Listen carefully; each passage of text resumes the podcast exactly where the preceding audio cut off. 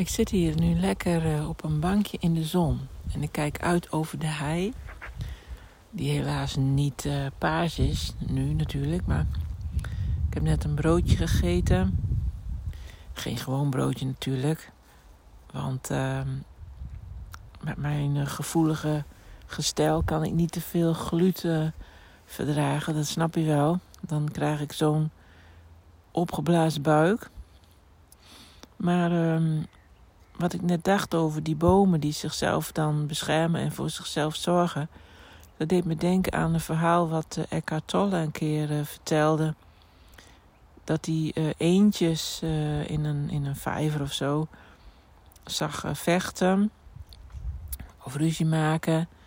En ehm, dat ze daarna allebei een andere kant op zwommen. En ehm, zeg maar aan de, aan de oever zichzelf uh, helemaal uh, gingen, uh, ja, soort van gingen schudden en, en fladderen en geluid maken.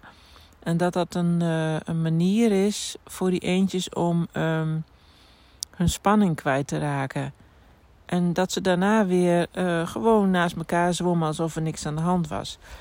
Dus dat mechanisme, dat je dus opgebouwde spanning ook meteen weer kwijtraakt dat hebben dieren gewoon van nature in zich. En wij schijnen als mensen dat uh, tot aan een bepaalde leeftijd helemaal niet te kunnen. Dat zelfreguleringssysteem, ik geloof tot aan je tiende of zo, of aan je achtste, ik weet niet zo goed. Maar in ieder geval, als je jong bent, kun je jezelf dus niet reguleren.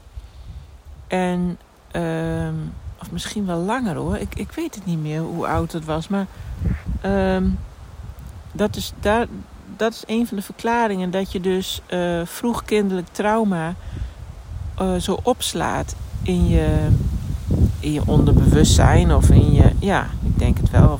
En ook dat het dus in je lichaam gaat zitten, in je zenuwstelsel.